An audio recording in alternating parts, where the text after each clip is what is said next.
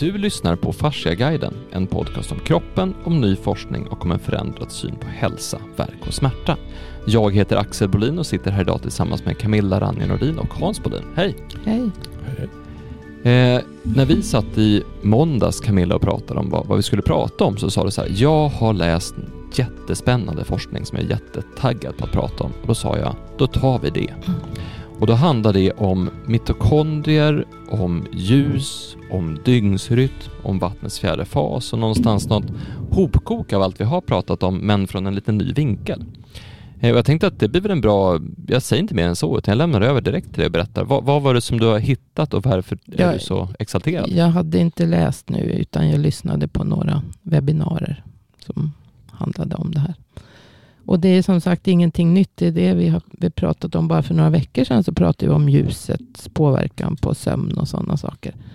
Så det, det är lite samma sak fast en, en annan, eh, kanske djupare, eller djupare, det är lite annan förklaring då på vad det är som händer. Med mitokondrierna, och det har vi ju pratat om förut också. Vi Mm, vi kanske börjar repetera ändå vad, Ja, mitokondrierna är mitokon- någonting. Vi pratade inte om mitokondrierna i samband med, med ljuset tror jag. Det gjorde vi inte. Vi pratade om melatonin, hormon som, eh, sömnhormonet som bildas i epifysen, alltså i tallkottkörteln i, i hjärnan.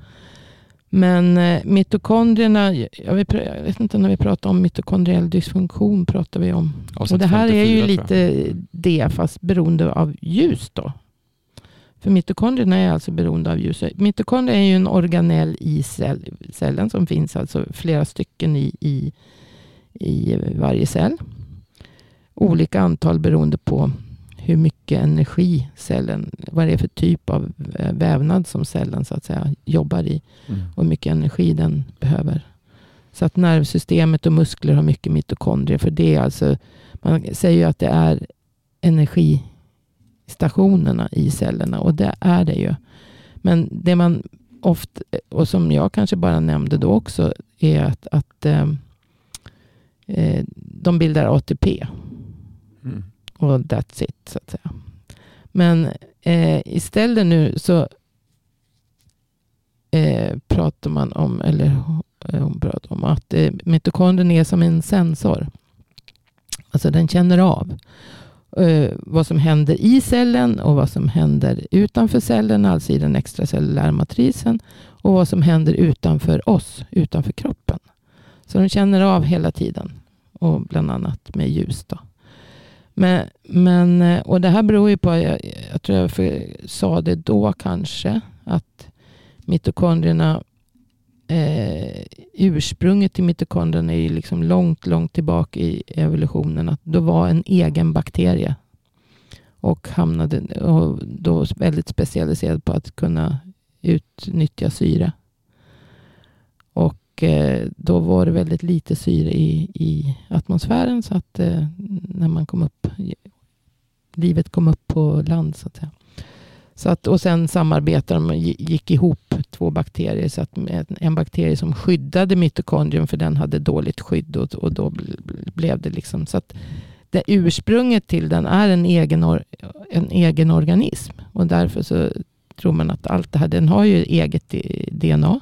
Eller den har egen, egen, egen genuppsättning så att säga. Och den har ju då eh, eh, just det här att den känner av vad som händer och kommunicerar med, med för att den har klarat sig själv förut. Så, att säga. så nu hjälper den ju oss att, att sköta kroppen och allting som händer i kroppen. Och den här då lilla, eller det är, ju- det är ju många då, det kan vara flera tusen i, i en cell. De, eh, eh vad de producerar förutom ATP då, så producerar ju eh, i, i själva mitokondrien så pågår ju det här som man kanske har hört talas om citronsyracykeln. Och sen så har den i cellmembranet också något som heter elektrontransportkedjan. Och det här är då en, det bildas ju ATP, eller eh, mitokondrier bildar ATP, men den bildar också vatten. Och den bildar inf, eh, infrarött ljus. Mhm. Och, den- alltså, och den bildar biofotoner. Och biofotonerna är då alltså egentligen reaktiva eh, syreradikaler. Alltså det, när ämnesomsättningen sker i cellen så bildas det alltid fria radikaler. Och vi, vi pratar alltid om fria radikaler som, som negativt. Men det har jag sagt förut också. De, be, de är livsviktiga för immunförsvaret och Mm. för signalering i kroppen. Och det här då är då samma sak som biofotoner. Alltså ljuspartiklar. Mhm. Så att när mitokondrien blir påverkad utifrån utav ljus eller liksom att den känner att någonting händer. Så, så ger den ifrån sig, alltså i, under ämnes, ämnesomsättningen så ger den ifrån sig biofotoner och den bildar hela tiden vatten. Och när det här vattnet kommer i kontakt med den organiska substansen, proteiner och sånt som finns i kroppen, i cellen och eh, utanför cellen, så bildas det ju det här vi pratar om, easy water. Alltså det här strukturerade vattnet som är laddat, Mm. som vi har pratat om förut, att Pollack tog upp. Och eh, det är ju det som, det är ju det som är den verkliga energikällan. Det är ju det här vattnet, alltså, som, blir då strukturerat vatten. Mm. Och i och med att den också bildar infrarött ljus, som är, alltså Pollack visar att det är infrarött ljus som är den stora driv eh, liksom för att bilda mer easy water. Mm. Så har den ju liksom ett eget maskineri. Så vi, och det, vi vet ju att vi avger ju infraröd, infrarött ljus. Alltså värme och som är då den skalan som är högt. Om man ser ljusskalan som en axel. Så, så en liggande eh, horisontell axel. Så är det ju då från vänster mer ultraviolett ljus. Sen går det över till blått och så blir det gult, eh, eller grönt och, och gult och rött. Och, och sen blir det infrarött. Mm. Så att eh, ju, hö, ju längre våglängd så blir det infrarött. Och det infraröda spektrat är ju väldigt, väldigt stort. Och mitokondrierna behöver alltså, de behöver också eh, den här inputen av infrarött ljus utifrån Mm. för att kunna fungera bra. Och det är alltså mitokondrien som signalerar i kroppen vad som ska göras, alltså vad som händer utanför. Och så fort den känner av att nu fungerar inte den här cellen som den ska, det är någonting som är fel, Mm. så kan den alltså signalera då eh, att eh, antingen så ska vi försöka reparera den här cellen, det kallas för autofagi. Mm. Eller så ska vi ta död på cellen. Det är då något som, alltså programmerad celldöd, det är apoptos. Jag vet inte om jag nämnt det förut när jag pratade, men, men eh, kanske inte så. Eh, och, eh, så den har liksom två val. Och det är ju att reparera cellen kräver ju mindre energi, för annars måste den ju bilda nya celler. Mm. Och, och då autofagi är ju något, det har jag pratat kanske om det i samband med att, att eh, fasta, för fasta och eh, ju- just det med det, det stimulerar autofagin. Autofagi är någonting bra. För då rensar kroppen ut protein, alltså eh, mitokondrien känner av att ja, det här proteinet fungerar inte i kroppen och, och eh, i cellen. Och, och det där, den där molekylen, den, den, det här ska vi liksom bort, det är skräp. Och sen så tar den då och bryter ner och buntar ihop olika. Så att den tar delar av det som fungerar och buntar ihop till nya organeller och nya proteiner. Mm. Och så att den, den liksom kan dirigera då vad som ska hända i Lite cellen. som en storstäda. Ja. ja, men alltså det är eh, Vår, vårrensning. Liksom. återvinning. Och liksom, de här delarna vi kan ta, ta eh, ja, men ungefär som på en bilskrot. Man liksom tar de, loss de delarna som fungerar på bilen och så buntar man ihop till en ny bil. Mm. Eh, och, eller så skrotar man hela bilen och då måste man köpa en ny. Mm. Men, och det kostar mycket energi. Och det här sker ju då väldigt mycket med, alltså med ljuset. För, för att mitokondrien ska kunna göra allt det här så krävs det melatonin. Alltså det, melatonin är alltså ett repareringshormon. Mm. Så att om det är brist på melatonin, som alltså eh, då är det här sömnhormonet som vi stimulerar att det bildas under dagen. Men då, om det är brist på melatonin då kan inte mitokondrien ge alla de här signalerna. Mm. Och då kanske istället blir att eh, celler eh, blir liksom, för, inte fungerar och mitokondrien kan inte reparera eller kan inte så att säga ta död på. Och det kan vara hennes, eh, vet inte om det var hennes eller om hon hade, en, att det var en förklaring till att massa cancerformer ökar. är att vi så att säga, inte får det här ljusspektrat som stimulerar melatoninsöndringen. Och, och melatoninet då stimuleras mest, alltså det initieras på morgonen när infraröda, på morgonen är infraröda ljuset som mest, alltså vid gryningen. Mm. Sen är det infrarött ljus under hela dagen. Men sen kommer det, när solen går upp lite högre, så blir, eller över horisonten, så blir det rött. Det vet alla. Gryningen är, är vacker med röd. Mm. Och sen mitt på dagen så är det liksom, mitt på dagen så är det väldigt eh, vit, blåvitt ljus. Liksom, väldigt eh, kraftigt blått ljus. Och, och då är det också mest ultraviolett. Och det ultraviolett är ju liksom åt, till vänster om spektrat blått. Så att säga. Och till höger då, efter det röda så, att säga, så är det infrarött. Och sen vid kvällen så kommer då det röda tillbaka och så blir det skymning och, och sen försvinner all, allt ljus. Då.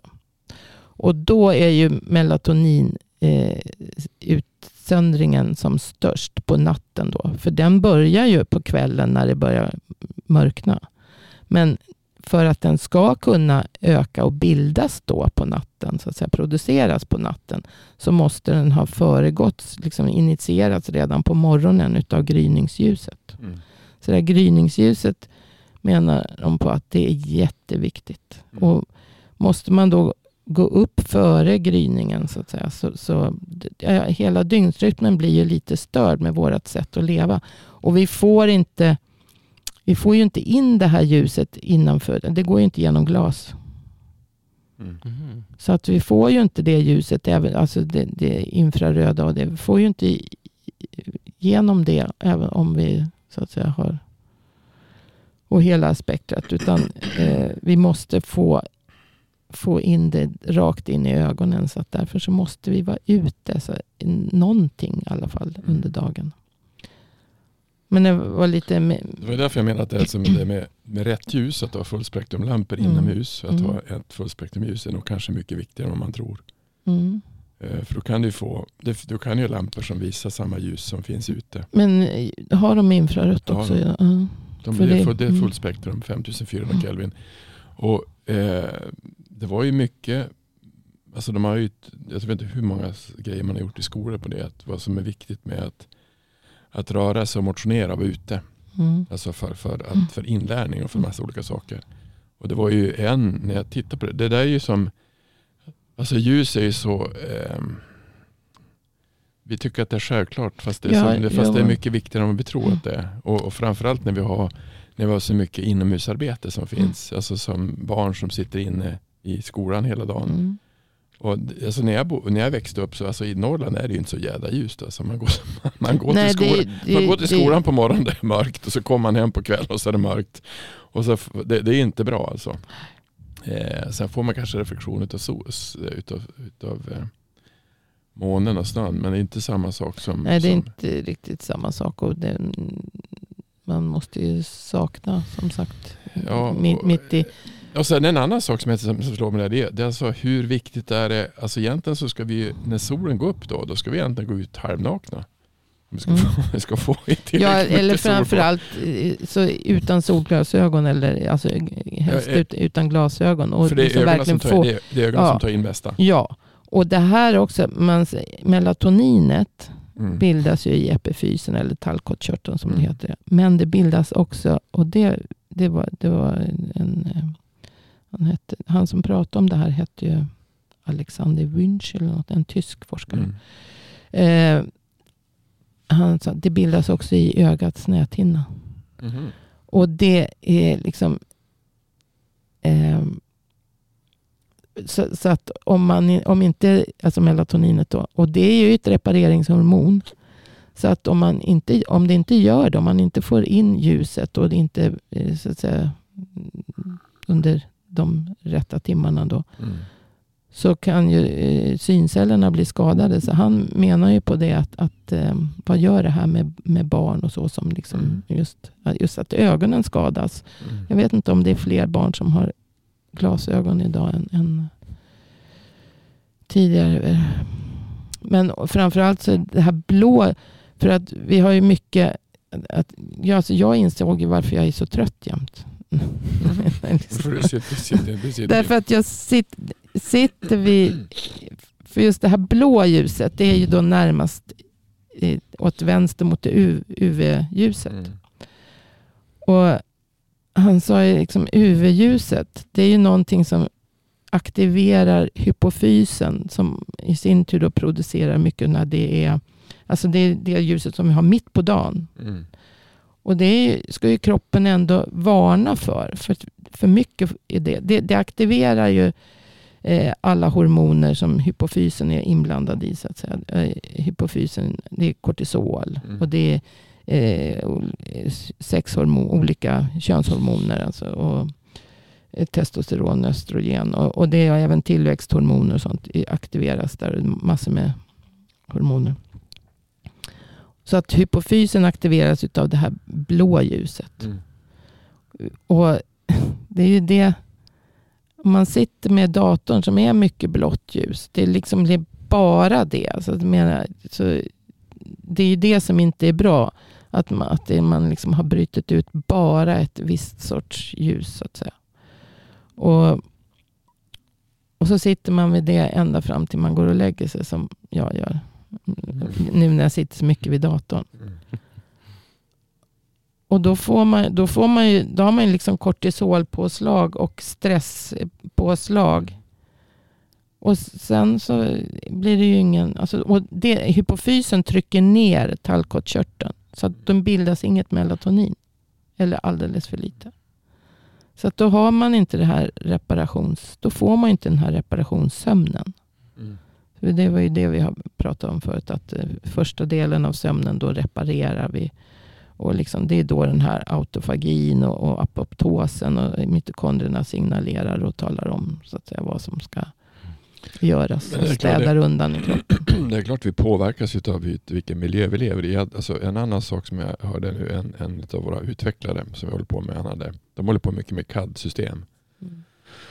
Mm. Och då sa han att de är jättesnabba på att lära sig barnen CAD-system. Alltså när, han sa han hade eh, barnbarn då. Men de ser ju ingenting. De, de är ju så närsynta. För att alla barn sitter framför eh, Ja. paddor Mm. på nära håll. Så då ser man ju hur fort det går att, bli, att vänja in det blir någonting annat. Mm. Så ehm, Och han menar också att det här blå ljuset. det, kan det kan ju vara en kombination av blå ljus och att du sitter nära som gör att du får Ja, ja, ja. Det, är, det är inte en faktor Nej, alls. nå, händer. någon, någonsin någonstans. Utan det är Många saker eh, samtidigt.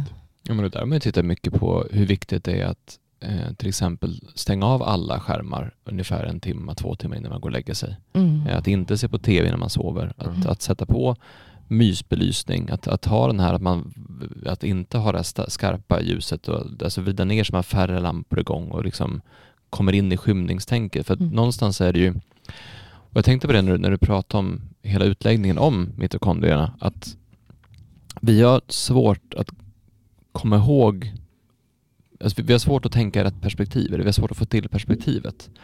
Därför att vi tänker så här, ja men eh, vi är ju människor och vi har ju eh, gjort det här och skapat den här världen som vi lever i och så tänker vi att ja men det är väl, det är väl anpassar oss väl till och sådär. Men vi är ju, det är inte jättemycket som skiljer oss, alltså rent genetiskt från människor för 10 000 år sedan. Men det är också ett litet Nej. kort perspektiv, för egentligen så ska man titta på, här har vi den här organismen, mitokondrien, Mm. som då går ihop med en annan organism. Mm. Och börjar man tänka därifrån så tänker man vad, vad behöver den? För det är som du sa, det här var, det här var en egen mitokondrie var en egen, Organism. Organism. Egen cell, ja. en, och Mm. då är det ju en, en egen... Men den hade inte så så kraftigt cellmembran så att säga. Så att den inte den behövde skydd av någon annan. Ja, och då gick de ihop Mm. och sen är det det som någonstans har blivit oss efter det. Men Mm. det häftiga som jag tänkte på det är att Blir- förut har man tänkt att mitokondrien, ja men den tillverkar ATP. Ja, Mm, så. ja, ja. Men nu, det du pratar om nu är att alltså den, det finns, kan finnas flera tusen i en cell Mm. och varje mitokondrie har en, en känsla, alltså den känner av. Det är nästan Mm. som att den har en medvetenhet och den gör mycket, Ja, mycket mer än vi tror. Mm. Och jag tror man glömmer bort ibland det här evolutionärt ekologiska. Alltså hur någonting har anpassat sig efter någonting under väldigt, väldigt, väldigt, väldigt lång tid. Så den här mitokondrien har alltså gått ihop med en annan organism och bildat någonting och sen har det utvecklats och utvecklats och utvecklats och Mm, utvecklats och till slut har det blivit människor och sen har Mm. människan utvecklats, utvecklats, utvecklats, utvecklats och det här är ju ett förlopp som är det är väldigt, väldigt många tusen år det här Mm. handlar om. Och då tittar man på de förändringar som vi har gjort i naturen de senaste tusen åren, Det- eller, eller han, 500 prat, åren. han pratade just om det, den här eh, Alexander att Just att, att utvecklingen, den tekniska utvecklingen går så fort. och så och att- biologiskt hänger vi inte med. Nej, det, Och- det, det går inte. Att, att, alltså, biologin eller djur, människor alltså, kan, Och- och- kan inte hänga med. Och ta då det du sa det här med att alltså, mitokondrien ser till att den här autofagin kommer igång, alltså den här reparationen, återvinnandet, storstädning av kroppen Mm. som man Mm. egentligen då behöver varje natt. Varje natt. Ja. Och då behövs melatoninet och melatoninet kommer in av just som du sa gryningsljuset, skymningsljuset, natten och så vidare. Om vi då för in eh, artificiella dygnsrytmer som vi egentligen har gjort, för att det tar för 2000 år sedan, 3000 år sedan, då fanns ju inte eh, något, du, du kunde inte ha lampor på på kvällen. Nej. Och det pratar man om i, alltså, Nej, den börjar ju med, med tänt ljus tänkte jag säga, hade de inte heller, men en brasa. ja men, och, kanske. men en brasa är ju ett annan typ av ljus Ja. än, än lampor. Och ta bara det är som bättre. Ja, och, och ta då eh, bondesamhället för 200 år sedan i Sverige. Alltså när det var mörkt, då gick man och la sig. Mm. Det, var, det fanns ju ingenting att göra ute då på vintern. Det är, liksom, det, det är bara att gå och lägga sig. Och, och jag tror vi underskattar hur biologiskt skapta vi är för det.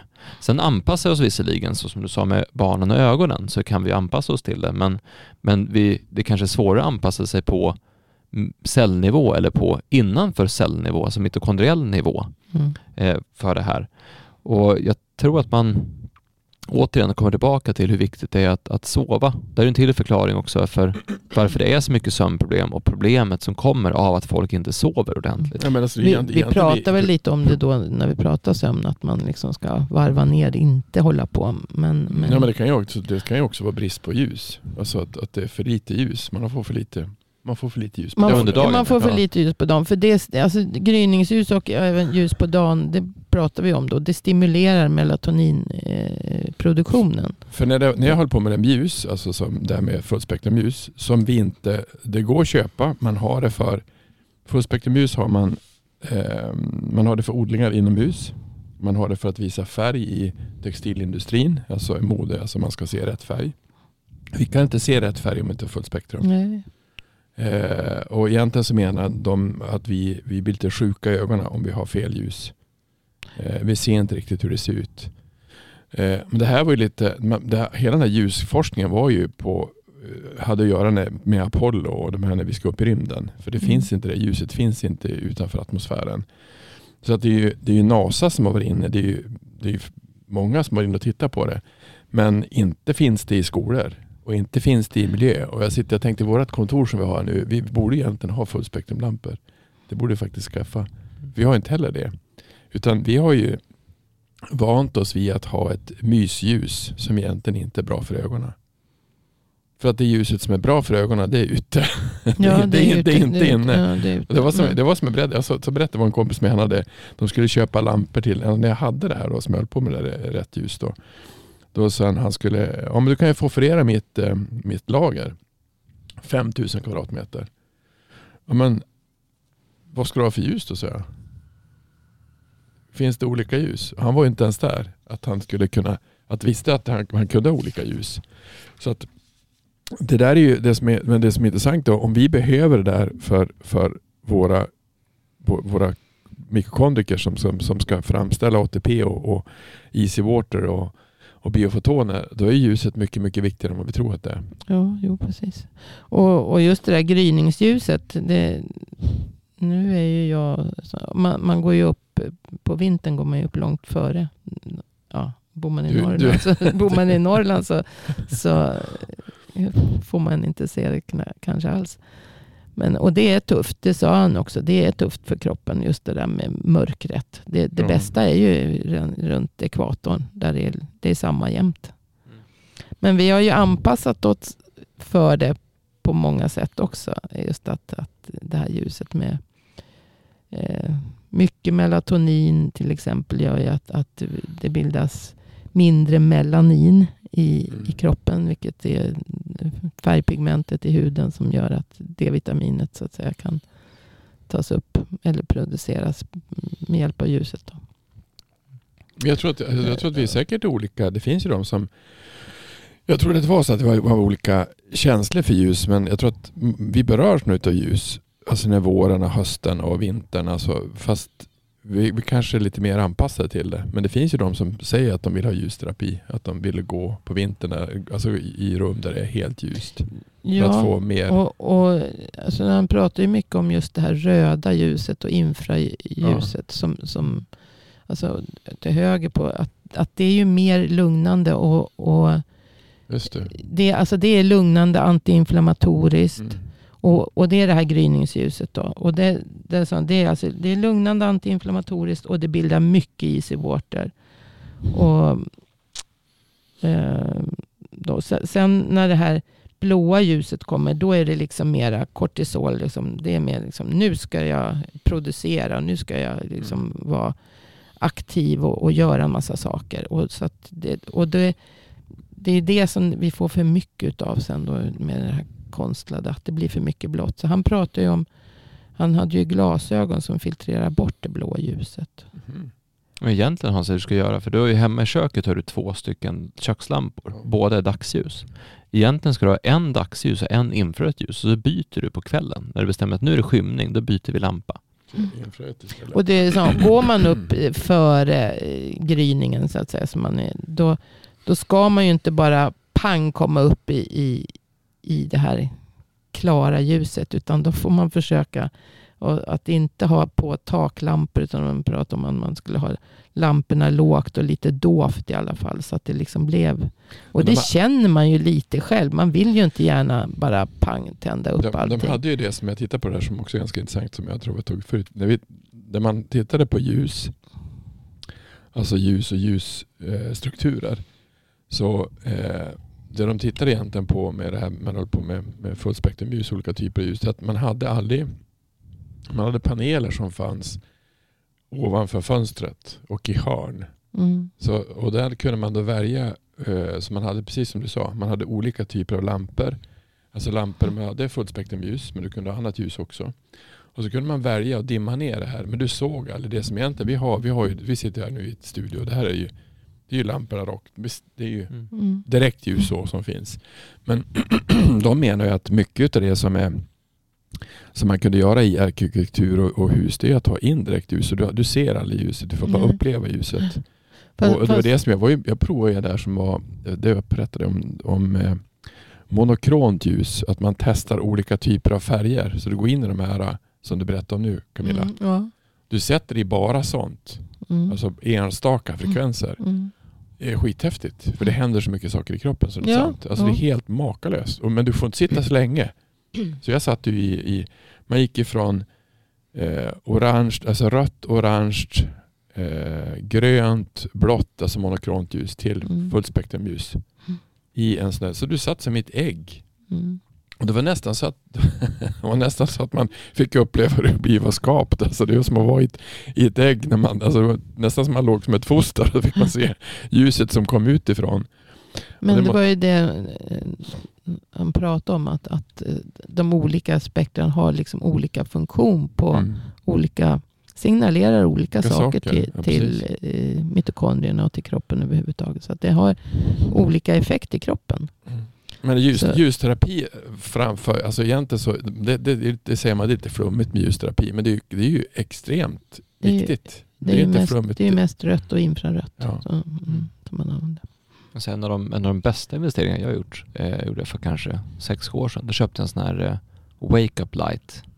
Så att det är en, en väckarklocka Mm. som eh, är som en soluppgång. Så att Mm. under en halvtimme så går den från att, då tänds den och så, och så går den från 1 till 20 i ljusstyrka. Mm. Och där är det väldigt rött ljus på ettan, Mm. tvåan, trean, fyran så blir det Mm. lite så här och sen är det väldigt vitt ljus på 20. Mm. Eh, och jag märkte som skillnad på det för att när, när eh, min dotter skulle lära sig sova ordentligt så där, då, då fick inte jag på mig den där klockan. För då vaknade hon väldigt tidigt av den så. Mm. Men, också hur, hur vi gick upp och när vi gick upp och sådär. Men nu har, fått, nu har vi börjat hoppa på den igen. Så nu, jag går upp 6.40 men den här börjar liksom lysa runt 6.10, 6.20. Och då börjar Iris vakna runt 6.20, 6.30 och så sen är vi båda pigga och glada klockan 6.40. Och du får en annan just, just den här med att istället för att vakna av en väckarklocka så vaknar du naturligt av att det blir ljusare och ljusare i Ljusare. rummet och då Mm. kommer den biten. Den andra grejen som jag testar mycket nu, framförallt under vintern, vi har fått till en mysigare belysning i köket. Så när vi går ut i köket så tänder vi aldrig taklampan längre utan vi tänder den ovanför fläkten och den i fönstret som är en Mm. lite mildare och sådär. Mm. Och du får en helt annan start på dagen när du får Ja, just det här ja. milda ljuset Mm. till en början och sen då kommer solen upp ut, utanför och så blir det liksom ljusare och ljusare i rummet av det. Mm. Så vi har nästan slutat att ha eh, ljusa lampor inomhus utan vi använder fönster, alltså ljuset utifrån in och så har man mysbelysning för att liksom stimulera och i kombination med det. Och vi märker att vi mår mycket eh, man blir mycket mer harmonisk i kroppen av att inte ha den här drastiska ljus... Det är mer lugnande. Förändringen. Ja. Och det behövs ju egentligen bara de där taklamporna med, med starkt, lite mer blåaktigt ljus behövs ju mer när, när man städar. Ja, bara, alltså egentligen är det ju bara då. Eller när du typ ska, eh, vi säger att du ska testa kläder. Men, men det är Ja, väl fast- typ då. Ja, ja men om det... Ja. Men annars, så- och det var det hon sa, det är väldigt viktigt att man har den här lite låga, mer punktbelysningen just Mm. eh, så att man börjar försiktigt på dagen. Då. För sen är det en jättegrej också om, om man... Och likadant på kvällen. Och Ja. det är där de flesta brister, inklusive jag då som sitter. Så egentligen ska man, det försöker jag ibland. Jag printar ut allting och det Sitter blir och så jäkla... Och sitter och läser istället för... Men, Det blir så mycket papper när man ja, läser man, blir- blir tusentals forskningsrapporter. ja, Nej men sen så, en sak man kan göra också är ju att skaffa en eh, dagsljuslampa. Eh, Det finns ju både till taket men även till eh, bordslampor. För att när man sitter och jobbar då är det kanon att ha dagsljuslampa för det blir en Mm. helt annan pigghet och klarhet. Det minns jag att du tipsade en kompis till mig om Hans, att skaffa Mm. en sån. Eh, och det vart ju en helt, han bor också i, i Bergen i Norge och han Mm. menar att på att det är en av de mest deprimerade ställen man kan bo på i jorden. Mm. Eh, framförallt på vintern. Eh, Nej, men han, men, han menar ju alltså att, att det blå ljuset, det gör ju man, man blir, det svider i ögonen, det kliar i ögonen, man blir torr i ögonen. Alltså man, man får massor med symptom från ögonen. Mm. Och det har ju med det här med att det, det, det blå ljuset trycker ju ner, det är ju liksom absolut trycker ju ner melatoninproduktionen. Alltså, Så att det blir ju ingen reparation utav ögoncellerna. Så att det, Jag tror, Alltså- jag tror egentligen när man ska höra om man ska vara riktigt, för jag, jag tror att jag hade en riktigt mycket diskussion om det när jag tittade på det. Precis på samma sätt som eh, lite grann om fascia. Att det som man, jag tror att det är väldigt svårt att köpa bra lampor. Alltså med bra, med bra spektrum. ja, nej, det, Utan, utan det som finns ute, det är rätt ljus. Det som finns inne som vi har gjort, det är fel ljus. ja. Så att, Det, ju, det, det och- finns ju inget infrarött. Alltså det, det, det, det, det, är det, som är bara- det som är, ja. jag, tror att, jag tror att lamporna inte har infrarött ljus. Nej, alltså de det vi har- köper. nej, och det då har blir det, då är, då är de ju skadliga då. Så att det är Mm. inte som du säger att tona ner. Utan då ska man egentligen köpa infraröda lampor eller köpa eh, fullspektrumljus. Och, och, och dra ner eh, effekten på dem istället. Dimma ner dem. Ehm, för jag Men, tror- får du, men får du infrarött av eh, Fullspektrum ljus? Alltså av eh, eh, stearinljus? Av brasor? eh, Va, vad är det för typ av ljus? Då? Det måste det nästan vara. De avger ju värme också. Så att det borde... ja, kanske. Jag tror att det ljus är mycket, mycket lurigare än vad vi tror att det är. Ah, ja. Det är, alltså, det är mycket mera ehm, Nej, och, och där, där är ju tricket, det man märker, och det märker man framförallt när man har en liten, eh, ett litet barn hemma, det är att du måste vara ute på dagen och få den typen av stimulans. Alltså om hon är ute på dagen och rör sig och aktiverar sig och sådär så eh, sover hon mycket, mycket bättre. Det, Mm. det, och det vet, ju, vet vi om själva, att är, Ja, du, är du ute och ja. går mycket, rör dig mycket, är du mycket ute i naturen så sover du mycket bättre på Mm. kvällen. Du sover ju bättre efter en skogspromenad efter, eller efter... Och det är ju inte Ehm. bara ljuset utan det är ju så Ja. liksom, Men man förstår ju vad som händer. Alltså när, om, om ingenting av det här fungerar. Om man inte har någon melatoninproduktion. Alltså om man inte får det här ljuset. Eh. Sen, sen melatonin. Det, det bildas utav, ursprungligen då, på morgonen så initieras det liksom bildningen utav. Vi har ju då det är tryptofan som är alltså en essentiell aminosyra. Som i sin tur bildar serotonin som i sin tur bildar melatonin. Och den här, så produktionen av melatonin sker ju på natten. Vid mörkrets inbrott. Men, men eh, däremot så måste ju det här initieras redan tidigare utav ljuset. Då. Och tryptofan måste vi också, vi måste ju få, det är ju det med, vi måste ju få byggstenarna för att kunna bygga aminosyran tryptofan. Vilket då, eh, eller bygga aminosyran, aminosyran kommer ju med, med mat. Då. Men den, den finns ju då i kött och, och ost och, och ja, mjölkprodukter. Mm. Så att det är de, de som äter det. Sen finns det väl i vissa växter också. Men, eh, och tryptofan behövs ju för att bilda massa annat också. Så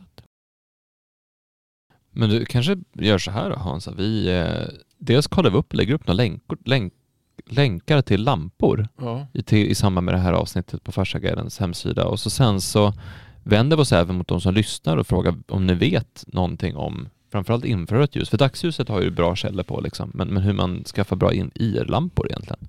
Dagsljus i, i, I dagsljus finns även i, i infrarött ljus. Det finns allt, all, all, all ljus som finns i dagsljuslampan. Så man kör dagsljuslampa med dimmer.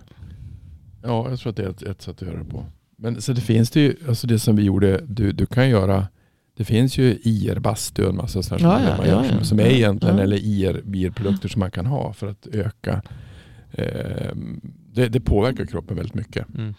Eh, Men jag tror att det är så, jag tror att det, det, är, lite- det jag tror att det är faktiskt lite grann som vatten. Att vatten är ju H2O. Mm. Nej, Ja, men, men- det är inte det. Utan alltså Nej. det, det, är samma, det är lika tokigt med vatten som det är med magnetfält som det är med ljus. Att, Ja. att vi, har, ehm, vi, har, vi har valt att inte förstå hur viktigt det är och hur stort det är. Vad vatten egentligen är för någonting. Ehm, och biofotoner som du pratar om nu, att, att, att det framställs bi- biofotoner utav mikrokondrier. Det hade jag aldrig, hört, Mitokondrier, det hade jag aldrig hört förut. Så att, Nej, men nej, jag har inte hört likheten mellan alltså, de här reaktiva syreradikalerna. Att det, att det är biofotoner. Men det, det är alltså ljuspartiklar som, som liksom cellen signalerar. Wow, nu, nu måste vi det ske. Och mitokondrien, det är ju, den, den slår ju på och av gener. Så där kommer ju liksom epigenetiken in. Och som alltså, DNA, varje cell har ju samma DNA-uppsättning. Och det är egentligen bara en katalog utav mm. proteiner. Som, som den här, de här proteinerna finns. De här proteinerna kan kroppen bilda.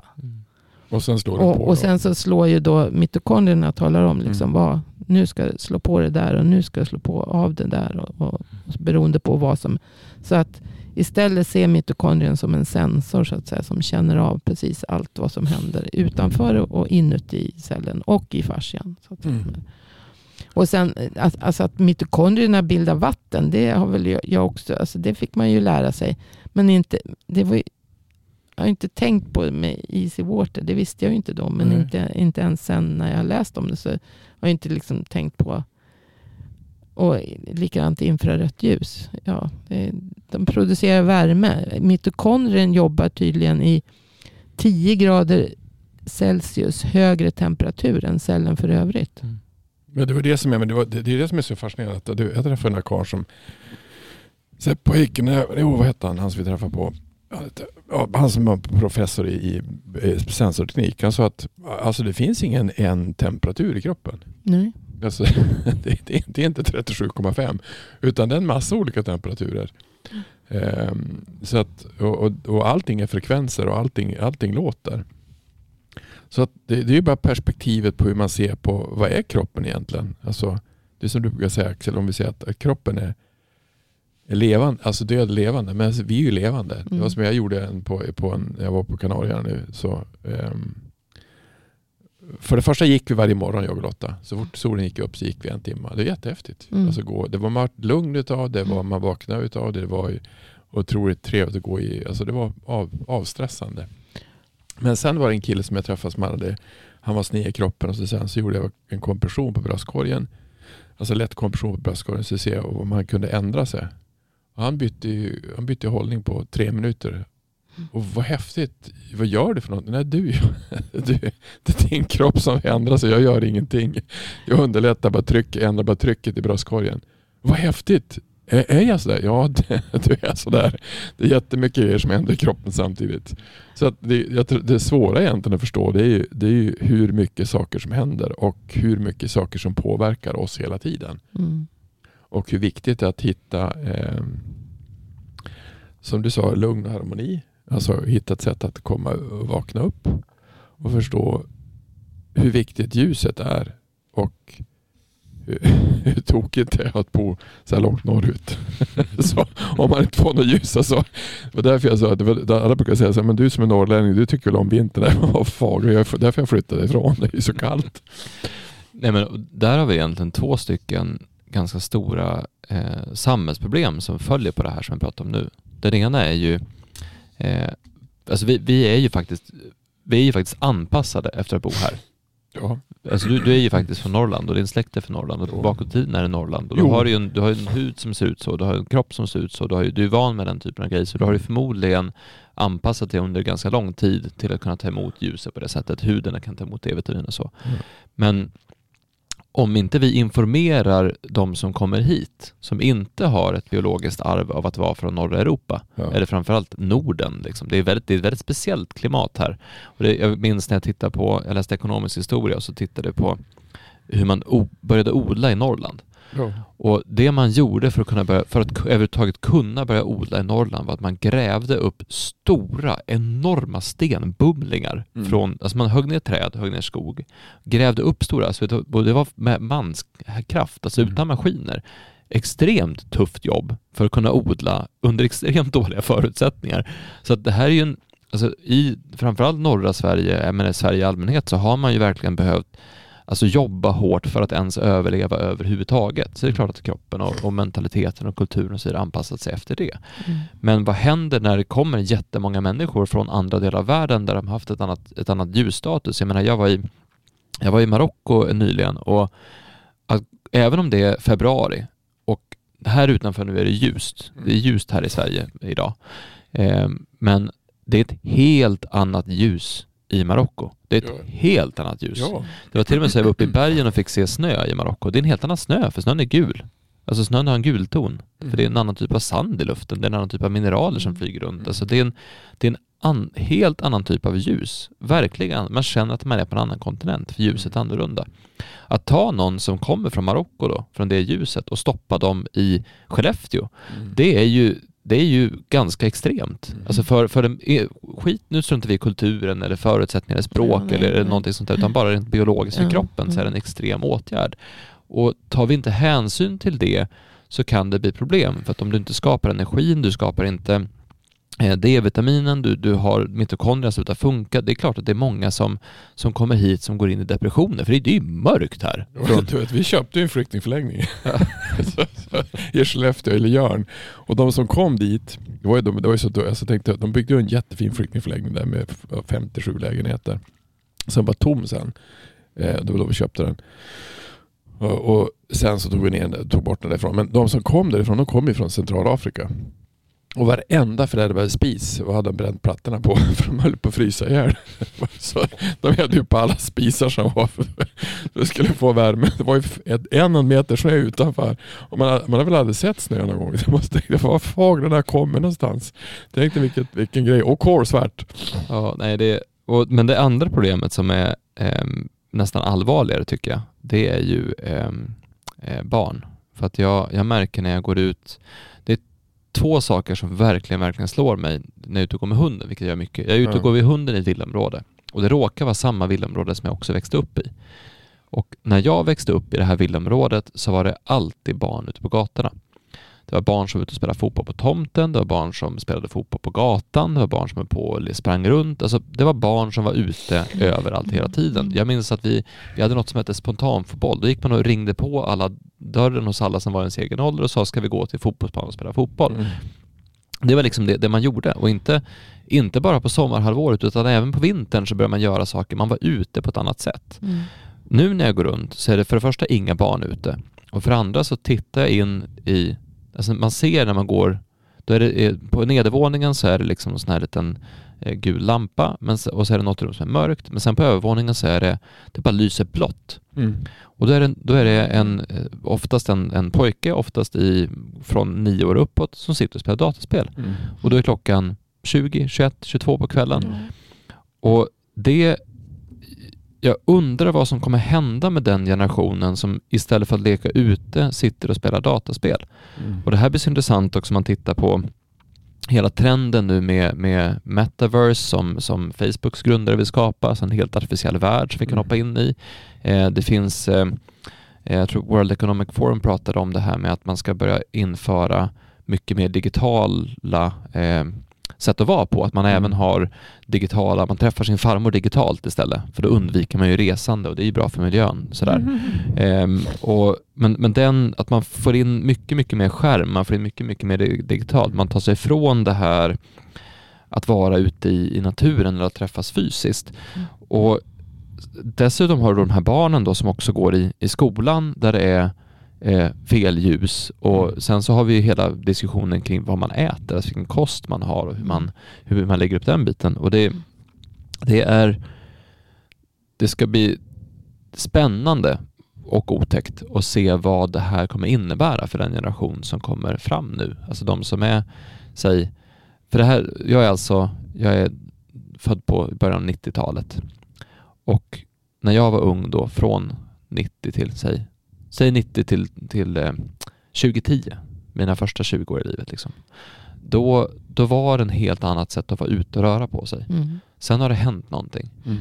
Och det, jag tror att det var någonstans där, alltså runt 2008, 2010, 2012 så börjar man vara inne på ett annat sätt. Och det ska bli intressant att se vad som händer med den. Men det är en sak som Myers brukar föreläsa om. Alltså vad händer med den generation som inte får den typen av eh, rörelse som vi har haft. ja. Eh, Och hur tusan inte- håller man kroppen intressant i en digital värld? Det är det Ja, jag säger exakt. också. Mm.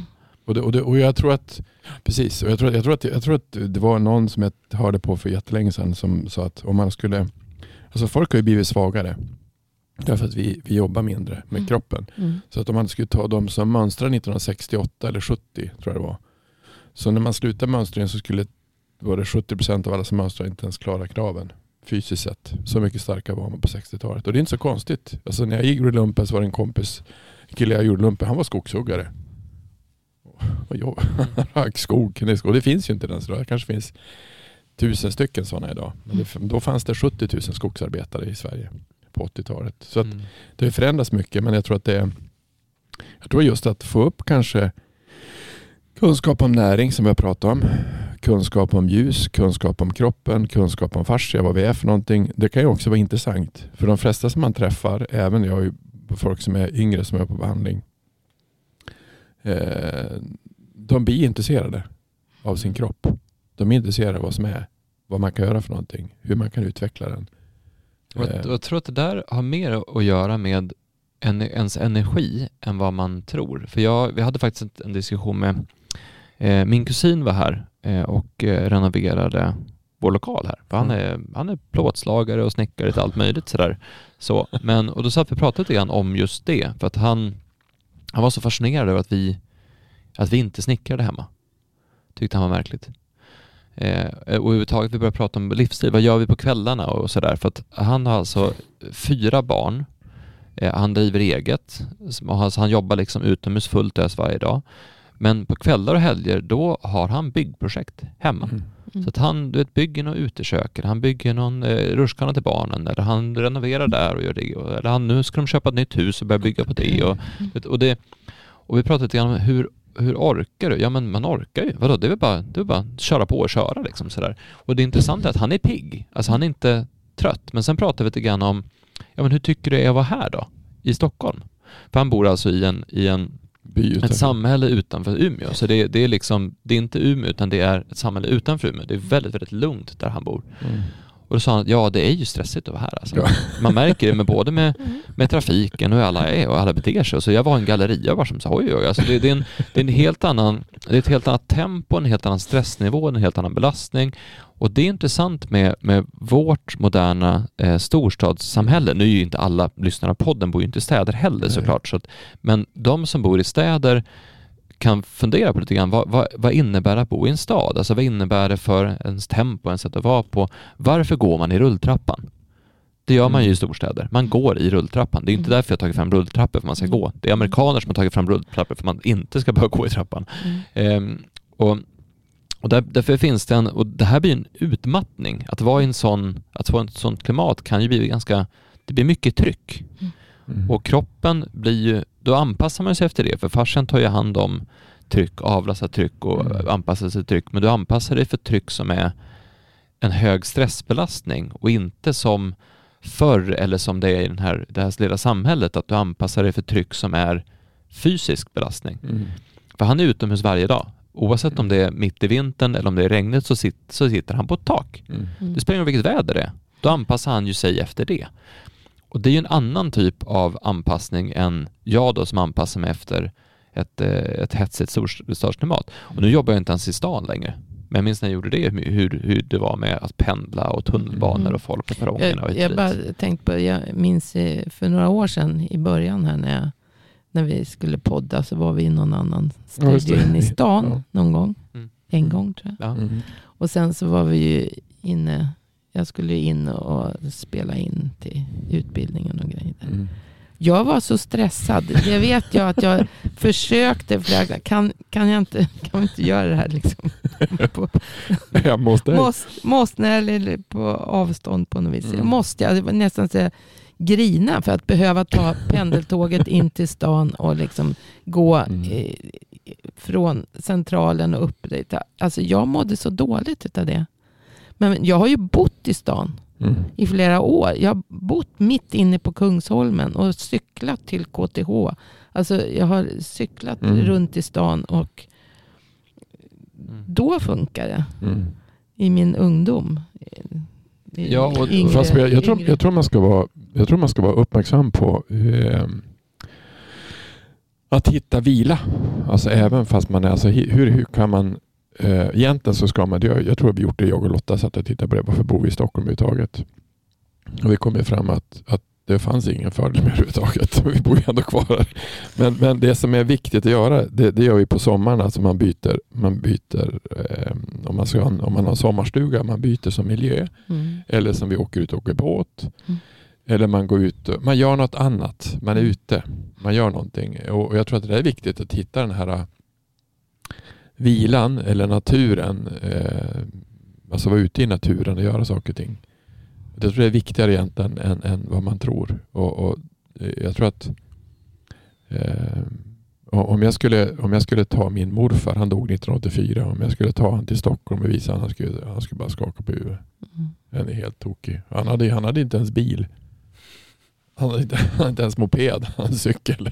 Cykel och en båt. Han, han hade ingen, alltså det, och det är inte så länge sedan. Det, det är inte så länge sedan det var så. Det är inte så länge sedan vi inte hade saker och ting. Ehm, så att det har förändrats jättemycket på var jättemycket sen jag, sen jag växte upp. Alltså vi, hade, vi hade sommarstugan eh, på en ö och när vi åkte dit från början så åkte vi båt i 40 minuter. Först bil 40 minuter och sen lastade vi av bilen i båten 40 minuter. Så kom man dit och det fanns ingen ström. Utan då hade man alltså man hade stearinljus man hade där, um, olika typer av ljuskällor och Mm. eldade och, och så. Och sen fick vi ström 72 och då fick vi för först väg och sen fick vi ström. Och det var roligare var egentligen när, när alla kom med båt. För det såg man, nu kom det någon. Vem är det som kom nu då? Är det Gunnar eller vem är det som kommer? Som kom? Så man så, alla kom med båt. Mm. Och det var ju så man tog sig fram. Och så fick man väg och så fick vi ström och sen var det som ingen sommarstuga för det var ju sommarstugan lite samma sak som var hemma. Och så fick vi vatten och ja, sånt där som var. Men jag tror, och det, någonstans är ju, eh, det var någon som sa att en av människans främsta för, styrkor är förmågan att anpassa sig och det, det måste jag nästan hålla med om på många sätt. För jag märkte det nu också när vi var i Marocko, var borta en vecka.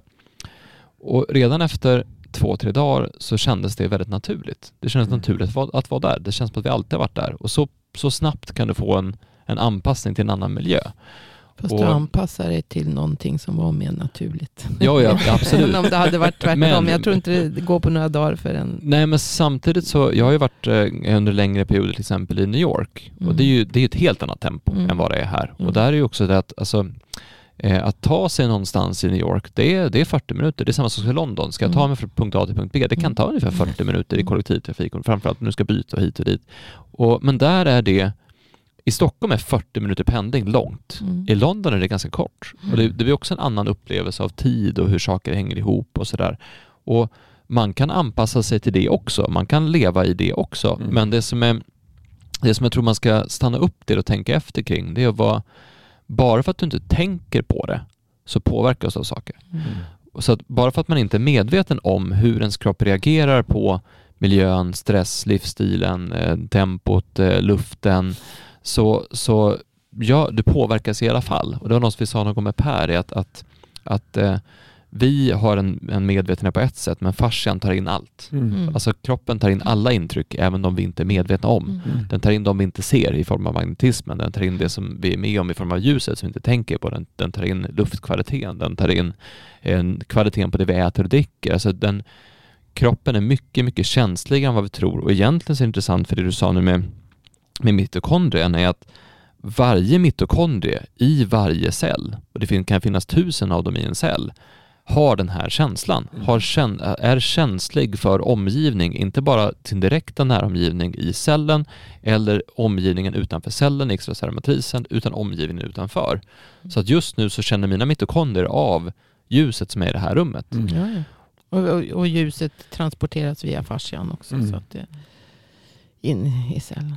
Men, men jag tänkte på med en stressad cell, alltså för att återgå till cellen, så, det du sa med, med stress och så. Men en, en, en eh, överstressad cell så att säga, som, eh, den lagrar in en massa kalcium i Mm. cellen. Och det där känner ju då mitokondrien av att det här måste liksom, måste ju ta hand om det här. Det här är inte bra.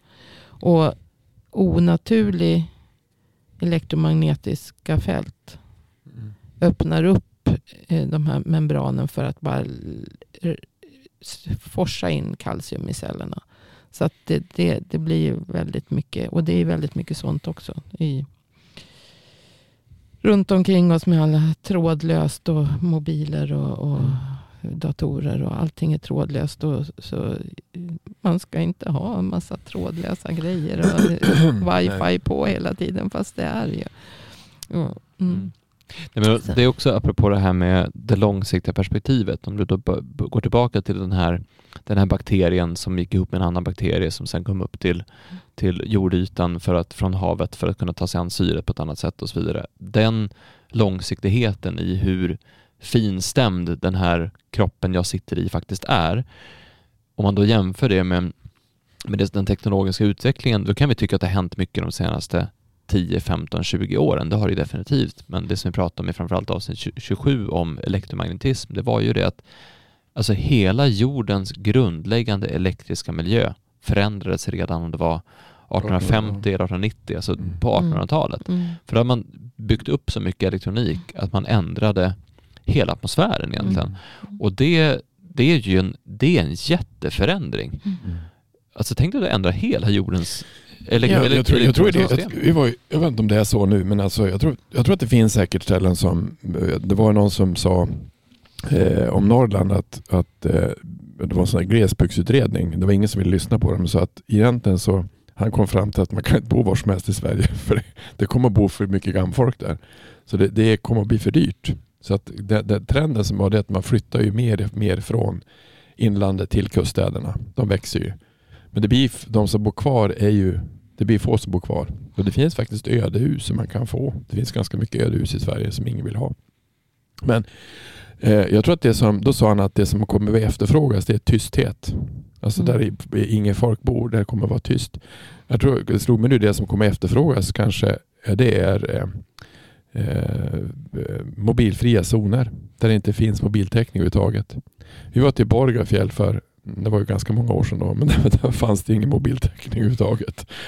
Det fanns inte. Men jag tror att sådana zoner, sådana ställen som finns i Norrlands inland där det inte finns täckning, eller där det, det, det tror jag att kommer att vara oaser man kan åka och vila på. För då får du ju inte samma Nej, du, du får inte samma... Och det, jag tror att det jag åker upp till... När jag var förut uppe i Fredrika och sådana ställen uppe i, det- det- där det bor lite folk. Det är inte så många som tänker där. Alltså det, är- det är mera utrymme att tänka. Alltså Mm. inte för att de som är där inte tänker utan för att det är så fin- få det är människor. få, så få, men det är mycket mer brus. Alltså om vi Mm. säger att alla tankar som vi har, eller det vi säger, det vi gör, det far ju utanför oss. Det är ju det är ju en elektrisk laddning. Mm. Därför det som är, om du tar, om jag åker till, om du tar Stockholm som är en liten stad jämfört med New York eller London. Alltså Stockholm är ju, det är som landet jämfört med New York. Alltså, eller San Francisco eller, eller London. Så, att, så att det här är också en utopi. Alltså, det, det bor väldigt lite folk i Sverige överhuvudtaget. Men, men det är ändå ganska stor skillnad mellan Pajala och Stockholm. Eller, eller där du bor. Alltså utanför det. Du kan ju åka ganska långt nära Stockholm. Tre, fyra mil utanför Stockholm. Det inte ens, alltså, man fått till Brottby. Det är inte långt dit. Alltså, det, det bor ingen folk i Brottby. Så det, det finns ganska mycket. Men jag tror att det är viktigt egentligen att titta på, alltså, vi påverkas av allting och hur kan vi, hur kan vi hitta zoner där vi stänger av eller vi byter miljö. För jag tror att man behöver göra det för fascian, alltså för att få det lugnt.